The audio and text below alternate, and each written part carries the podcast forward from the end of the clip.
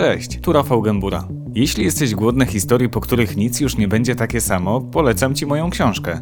Zajrzyj na oczy.altenberg.pl i zamów swój egzemplarz. Tymczasem zapraszam na wywiad. Od 17 lat wychowuje Pani córkę z zespołem Downa. Kiedy stało się jasne, że Agata będzie no nieco inną dziewczynką? Mm, to de facto dzieje się już e, po, tuż po urodzeniu e, dzieci z zespołem Downa, bo lekarze widzą pewne cechy, które takie dziecko posiada. Natomiast potem są potwierdzone, te, ta diagnoza wstępna jest potwierdzona badaniami, badaniami genetycznymi.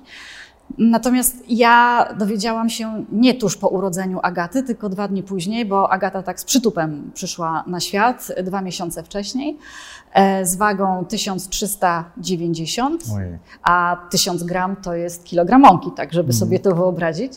Jej e, grubość ramienia, jak ja ją zobaczyłam, to była tak jak mój kciuk. Nie, to było nawet chudsze, bo to jest na zdjęciu mam, jak ona już wyszła ze szpitala, więc to było jeszcze chudsze. Mm. I ja po dwóch, e, po dwóch dniach zobaczyłam Agatę, jak leżała w inkubatorze podłączona do rurek mm, w pieluszce, takiej bardzo dużej pieluszce. Co prawda, może nie tyle, że dużej pieluszce, bo to ona była malutka, a pieluszka była standardowa. I wtedy, jak ją zobaczyłam, serce mi się ścisnęło na jej widok, to pani doktor mi przekazała informację, że Agata ma zespół Downa. Jak pani to przyjęła? Czy, czy na tamten czas było wiadomo, z czym to się wiąże, co to oznacza? Ja nie wiedziałam. Ja nie wiedziałam, co to jest zespół Downa, więc może o tyle lepiej, że jakoś mnie to tak mocno nie, y, nie dotknęło. Ale no wiedziałam, że coś jest nie tak, że skoro mi taką diagnozę mówią po dwóch dniach, to coś jest na rzeczy. E, płakałam, bo każdy rodzic w momencie, jak dostaje diagnozę o niepełnosprawności dziecka, to przeżywa mm, takie etapy jak po stracie pełnosprawnego dziecka, takie etapy żałoby. U mnie to nie trwało długo, ale, ale też było i płakałam e, i wtedy bardzo pomogły mi dwie, dwie panie, dwie pielęgniarki, które bym chętnie dzisiaj poznała i na nowo zobaczyła i z nimi porozmawiała. W jaki sposób? E, jedna przyszła do mnie, jak ja tam leżałam już po powrocie od Agaty i, i się zastanawiałam, co dalej, co, co z życiem i o co w ogóle chodzi. E, przyszła i powiedziała, Pani Olgo, ja już ją widziałam te dwa dni wcześniej. Mhm. I ona mówi, Pani Olgo, Pani widzi, że taka uśmiechnięta zawsze i radosna. Ja mówię, widzę. Um, a Pani widzi, że ja pracuję? Ja mówię, widzę. I tak się zastanawiam, po co mi to opowiada. A ona mówi, a wie pani, że w domu czeka na mnie e, syn niepełnosprawny, e, który leży, jest leżącym dzieckiem i zawsze jak wracam z pracy, to najpiękniejszym momentem w całym dniu to jest to, że on się uśmiecha. A druga pani do mnie przyszła i przyniosła czasopismo, jakąś gazetkę, gdzie był wywiad z mamą e, dziecka z zespołem Downa. To był chłopiec taki na okładce. I mm, i sobie przeczytałam wtedy pierwsze jakby informacje na temat zespołu Downa. I te panie bardzo mi pomogły pod tym kątem, że pokazały mi, że okej, okay, ty się dowiedziałaś mhm. czegoś takiego, ale zobacz, my przychodzimy do ciebie, dały jesteśmy nadzieję. tobą, dały nadzieję, że nie odsunęłyśmy się od, od ciebie. E, pokazała mi ta pierwsza pielęgniarka, że mimo też ciężkiej sytuacji, bo ma dziecko z e, niepełnosprawne, to ona pracuje jest radosna, czyli że można się w tym mhm. wszystkim odnaleźć. I to było bardzo takie budujące. Mhm. E, a pamięta Pani moment, kiedy mm, sama Agata zdawała sobie sprawę z tego, no, że jest w jakimś stopniu niepełnosprawna, mhm. że nieco różni się od koleżanek? Mm, u Agaty wydaje mi się, że to był pewien proces i on trochę trwał, bo najpierw Agata mi mówiła: Mamo, czemu ludzie się tak na mnie dziwnie patrzą? Jaki to był wiek? Mniej 6, 7 lat, jakoś tak zupełnie była malutka. E, ja mówię, może Agato, dlatego, że jesteś taka ładna, bo rozmawiałam wcześniej z psychologiem klinicznym, profesorem Borysem i go pytałam, czy ja mam powiedzieć Agacie, czy ona ma się sama o tym dowiedzieć, jak no właśnie, to w ogóle to wygląda. wygląda. No i on mi powiedział, żeby poczekać na moment, kiedy na to będzie gotowa, kiedy ona sama zacznie pytać, nie wyprzedzać, bo mogę zrobić jej w tym momencie szkodę, bo ona jeszcze nie przyswoi tej informacji tak, jak powinna, y, coś może być nie tak. No więc czekałam i najpierw właśnie Agata mówiła, dlaczego się tak na mnie patrzą. Y, potem obserwowała swoje oczy i mówi, mama, ale ja mam takie skośne oczy, zobacz. I ja mówię, ale wiesz co, chyba po babci, bo zobacz, babcia też ma skośne oczy. Mm. Czyli pani celowo nie mówiła jej prawdy? Celowo? Nie, nie, celowo. Czekałam, hmm. czekałam. Aż e, będzie gotowa. Aż będzie gotowa. E, Najpierw się, najpierw zrozumiała, że jest niepełnosprawna, ale to prawdopodobnie przez to, że miała, y, że mieliśmy kartę osoby niepełnosprawnej, więc szukała miejsca do zaparkowania. I ona nawet była z tego dumna, że to dzięki y, niej mamy miejsce bliżej wejścia, bo ona jest niepełnosprawna i ma taką kartę i możemy sobie. Przywilej. Taki przywilej. Pamiętam taką scenę z Agatą, jak ona siedzi na podłodze i się ubiera, a ja chciałam bardzo, żeby była samodzielna, więc nawet jak bardzo się spieszyłam, to jej nie pomagałam się ubierać. Zresztą ona też chciała, sama chciała być samodzielna. E, tylko czekałam, aż to zrobi. Ale był taki dzień, kiedy no, czas mi topniał, a ona tak powolutku, mhm. tutaj rajstopy, tutaj coś, a ja stoję, tupię nogami tak w cudzysłowie, mówię, Agata, weź się pospiesz, proszę cię, no weź się pospiesz. I Agata mówi, no już, już robię. I tak czas leci, leci. Mówię, Agata, czy nie możesz szybciej? A ona mi odpowiedziała, nie mamo, nie mogę, przecież jestem niepełnosprawna. No i w tym momencie... Czyli to Agata pani powiedziała? Tak, to w zasadzie w tym momencie Agata mi odpowiedziała. Potem przyszedł ten moment, kiedy ona sama odkryła, że ma zespół Downa i szukała w telewizji yy, rozwiązania, dlaczego ona jest niepełnosprawna. Zaczęła oglądać programy medyczne.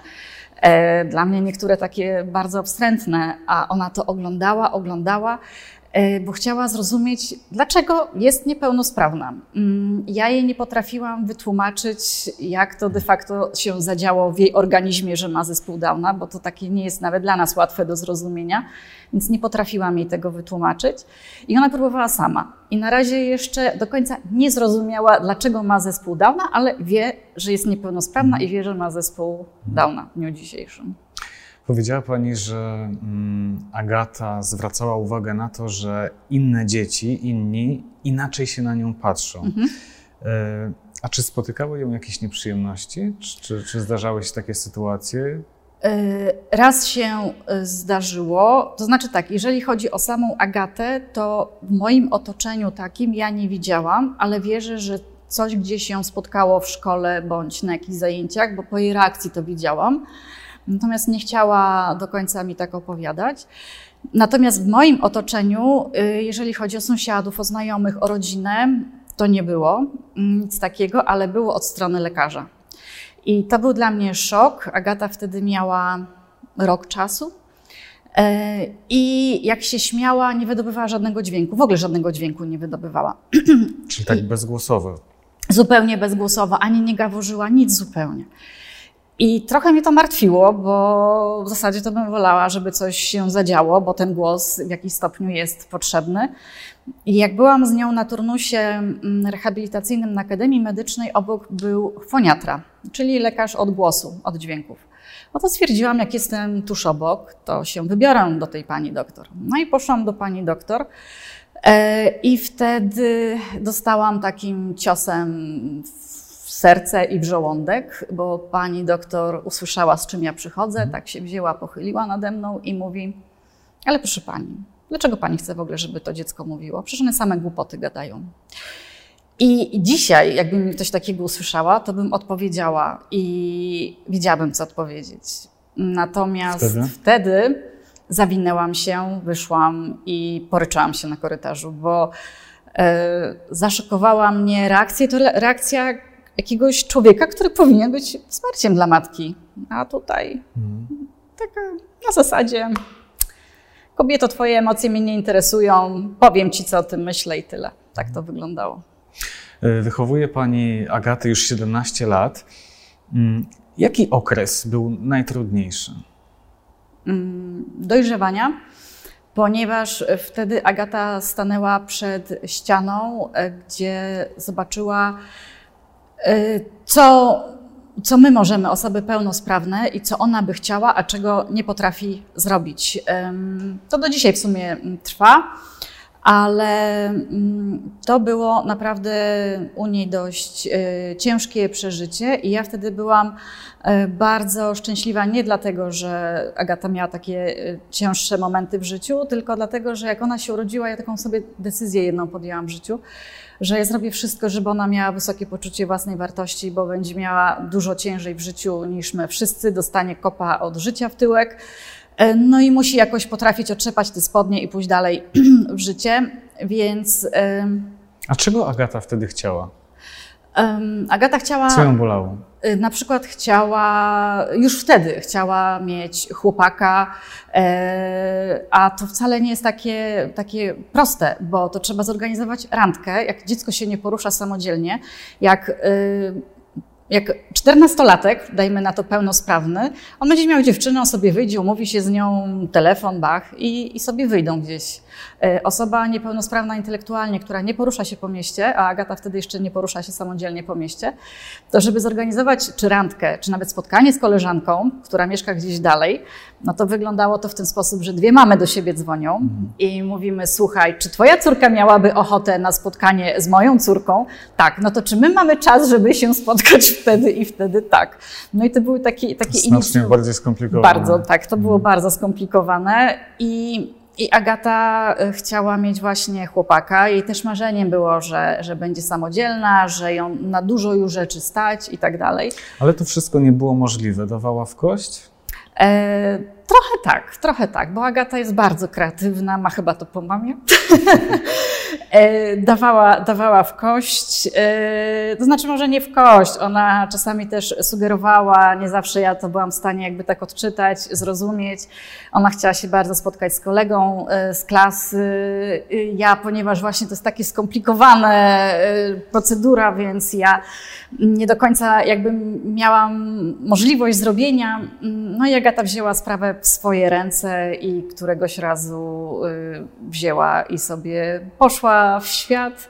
I Agata była szukana przez policję, przez nas. Mm, było, nie życzę żadnej matce poszukiwania swojego dziecka. Ja już miałam w głowie e, naprawdę takie historie, że gdzieś tu w krzakach znajdę jej mhm. bucik, że coś tam, że została zabita. Oczywiście pan sierżant mnie uspokajał i mówił, że to, co pokazują w mediach, to jest 1%, mm.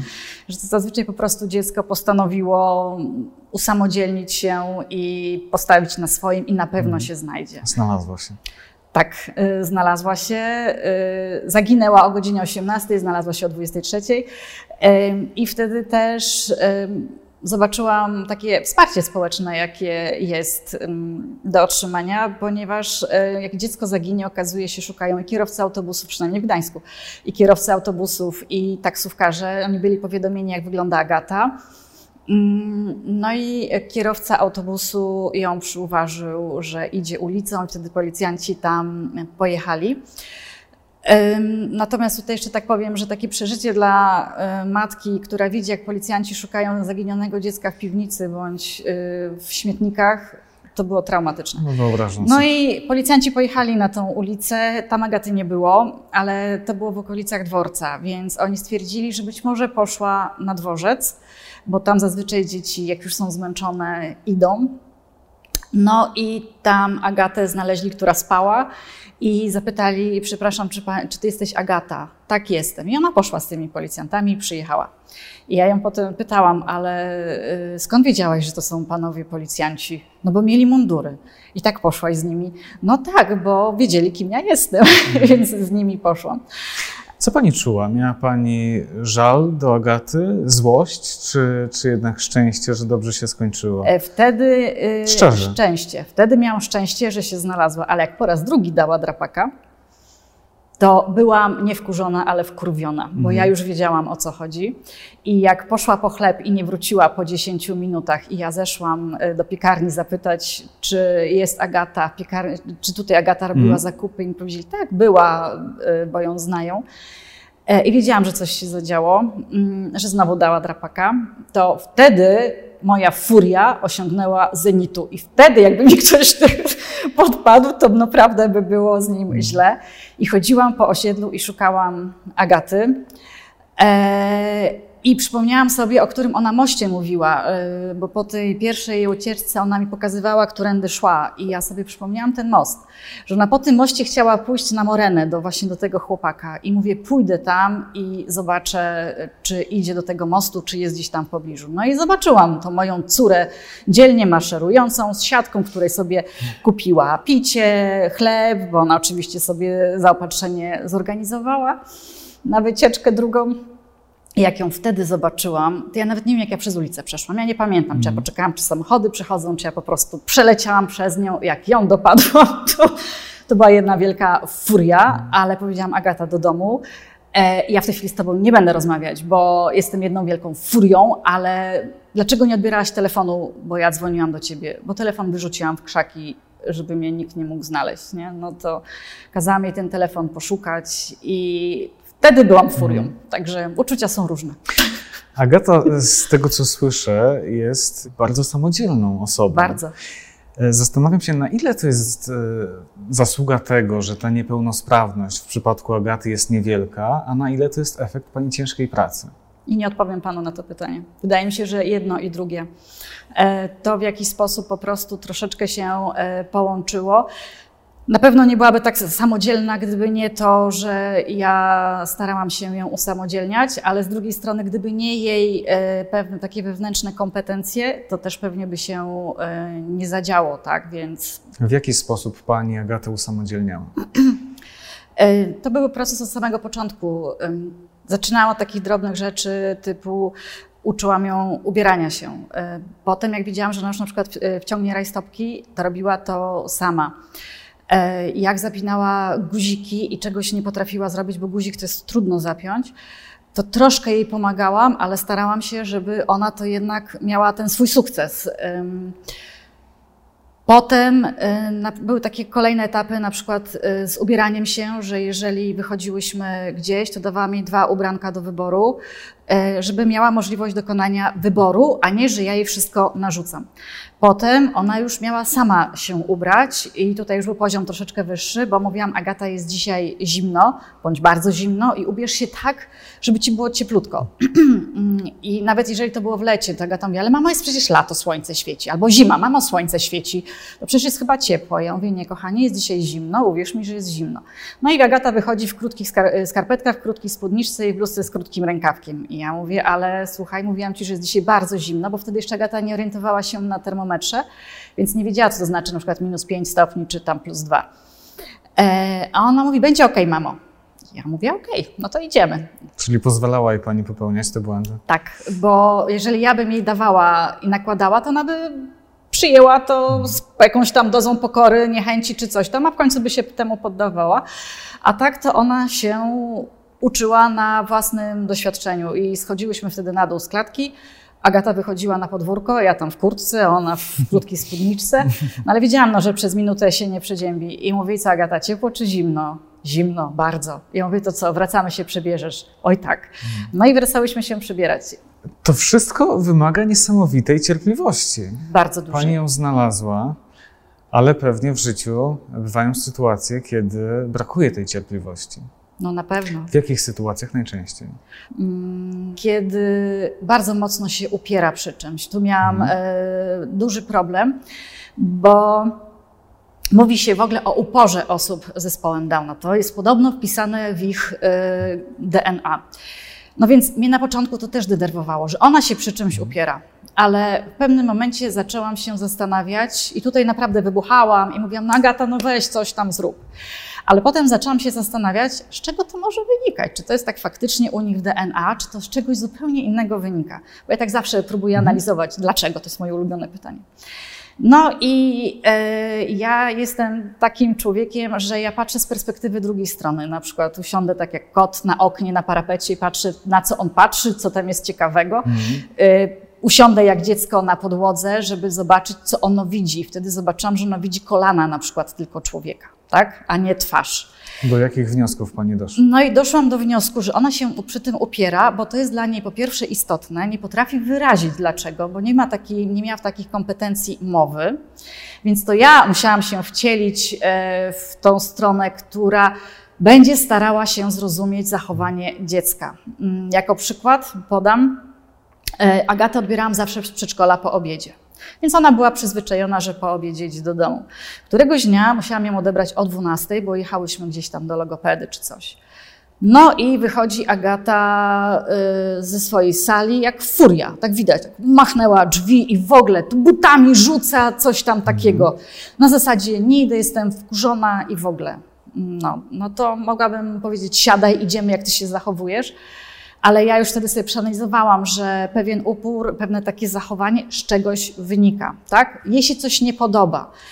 E, no i zadałam jej pytanie, Agata, widzę, że i, i chciałam też zrozumieć jej uczucia. Mhm. I to jest bardzo ważna rzecz, żeby zrozumieć uczucia naszych dzieci. To jest clue moim zdaniem. I mówię, Agata, ty jesteś zła. Tak. I dalej coś tam jeszcze, nie? Już tu kopnęła, tam coś tam. I ja mówię, no dobra, jest zła, teraz dlaczego może być zła? E, no to jesteś zła, dlatego że przyszłam po ciebie wcześniej? Tak. Chciałaś się jeszcze pobawić? Tak. I to tak już było coraz bardziej spokojne i pomogło i wyszłyśmy mhm. naprawdę uśmiechnięte i zadowolone z tego przedszkola. I jest wiele takich zachowań na zasadzie Agata, jest teraz obiad, y, a ona coś tam chce, bo uparła mhm. się, że przy tym będzie no to próbuję, się, próbuję zrozumieć dlaczego, a też wiedząc, że pewne zachowania będą, staram się je przewidzieć i wtedy uprzedzam. Agata, za 10 minut robimy to i to. I wtedy nie ma tego zaskoczenia. Nie. nie. Agata za chwilę będzie e, świętowała swoją osiemnastkę. Tak. Co dalej? No właśnie, to jest, dobre, to jest dobre pytanie, przed którym stoi chyba wielu rodziców osób, z e, dzieci z niepełnosprawnością intelektualną bo jak się kończy etap edukacji, mm, dzieci wychodzą w nicość. To mają 23 lata, 24. Emocjonalnie i umysłowo, intelektualnie są na dużo niższym poziomie.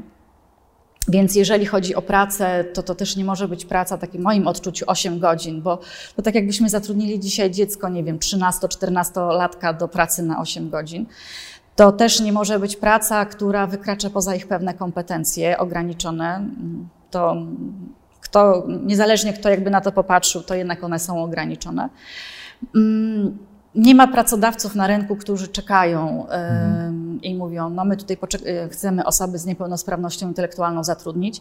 To wymaga dużego zaangażowania rodziców, e, różnych fundacji, stowarzyszeń, więc to są takie oddolne inicjatywy jak my nie zakasamy rękawów sami, mhm. no to te nasze dorosłe dzieci, które się tyle ładowało energii, pieniędzy, pieniędzy państwa, pieniędzy naszej, energii naszej, energii terapeutów, no będą de facto skazane na siedzenie z, z pilotem przed telewizorem. Są warsztaty terapii zajęciowej które mają ten jeden minus, że jest ich za mało mhm. i mm, trzeba się ustawić w kolejce. Czyli przez... niełatwo się dostać na takie. Nie, bo zajęcia. one mają pewien limit miejsc.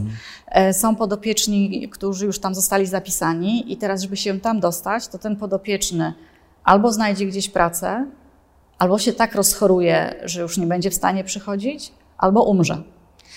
E, więc hmm. e, mamy takie trzy warianty. Który z tych wariantów na kogo hmm. trafi, no to wtedy mam miejsce dla swojego dziecka. E, czeka się czasami 6 lat, czasami 5 lat, nawet, nawet hmm. żeby się dostać do warsztatu terapii zajęciowej, więc to wcale nie jest takie, takie proste. A te osoby mają potrzebę.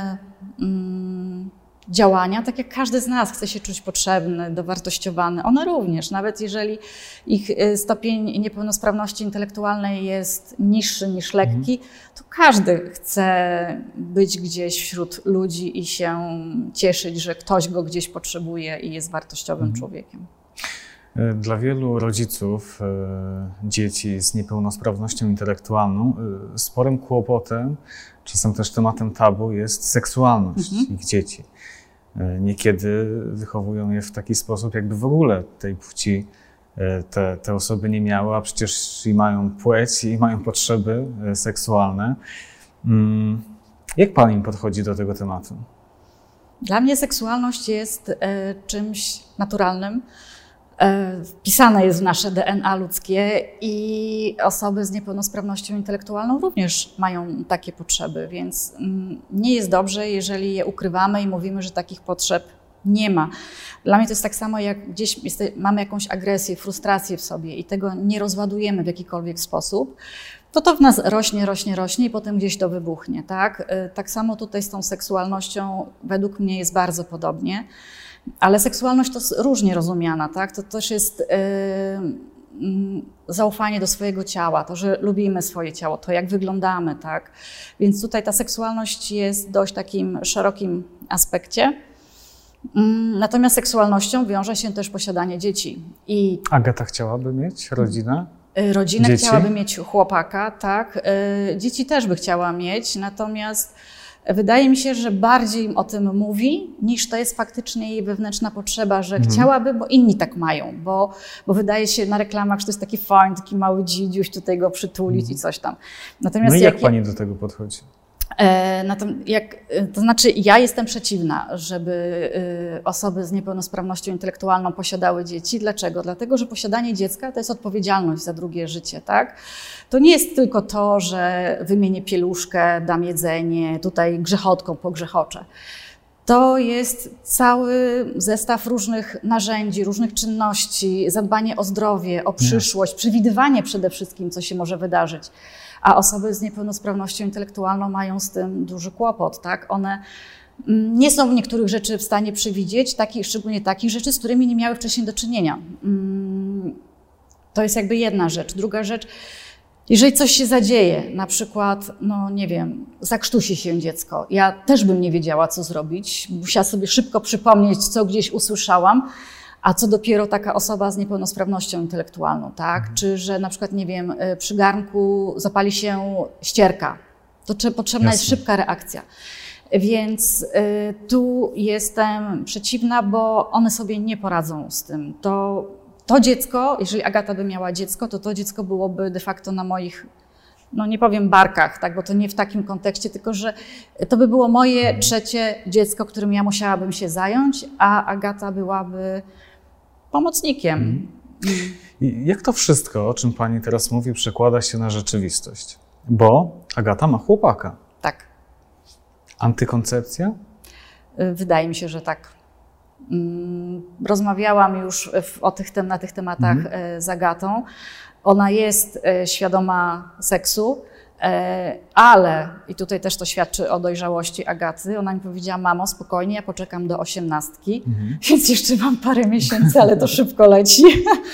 Ale tak, mhm. tak. I ja rozmawiałam z Agatą, bo ja też nie chcę, żeby to było jakby wbrew niej. To musi być świadoma jej decyzja. Oczywiście. Jak pójdziemy do ginekologa, to ona musi wiedzieć, o co chodzi. I mhm. Mm, ja jej też pokazuję, na przykład mamy w domu psa i kota i mówię, Agatko, zobacz, kot chce się teraz pobawić. No zobacz, jaką ona ma energię, no weź i porzucaj piłkę. No ale ja, mamo, oglądam. Ja mówię, no okej, okay, ale wiesz, jakby to było dziecko, to ty przecież tak powiedziała, że mamo, ja oglądam? Aha. No i wtedy jest taka chwila zastanowienia się, czy ona jednak faktycznie by chciała to dziecko, czy to jednak y, nie jest jeszcze ten moment. Jasne. I, no taka, taka rozmowa też, że dziecko mają kobiety trochę starsze, nie wieku 18 lat, y, że trzeba dojrzeć, mieć. No tak, to no nie, nie, są jest, łatwe rozmowy. To nie, jest, to nie to są nie łatwe, łatwe rozmowy, nie, mhm. nie. Faktem jest, że statystycznie y, osoby z zespołem Downa żyją krócej. Tak. Y, to też prowadzi do sytuacji, gdzie niekiedy rodzice takich dzieci mają takie skryte myśli, marzenia.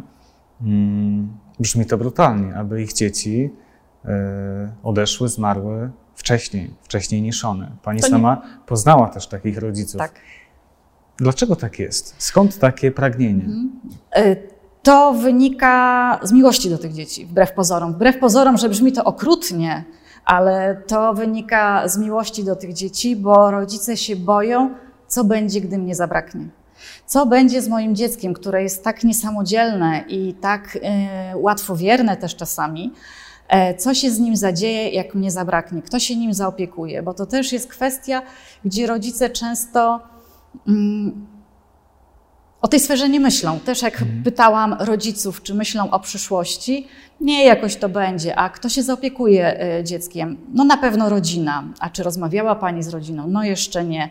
Więc e, albo jeszcze o tym nie myślę, rozmawiam z, z, e, z matką, która ma lat 60 tak? Y, Czyli był już czas na to, żeby ten temat... Na to, żeby przemyśleć, przemyśleć, coś podjąć, bo to nawet nie to, że ktoś jest w wieku. Ja teraz wracając od Pana e, mogę, nie wiem, ulec wypadkowi, już może mnie nie być, tak? Więc, e, a co będzie wtedy z moją córką, hmm. która no, jest nieświadoma pewnych rzeczy, tak? Ona nie zadba sama o siebie tak na 100% w pełnej, w pełnym takim poczuciu, jak my byśmy to zrobili. Pani Olgo, bardzo dziękuję za spotkanie. Dziękuję za rozmowę. Dziękuję również.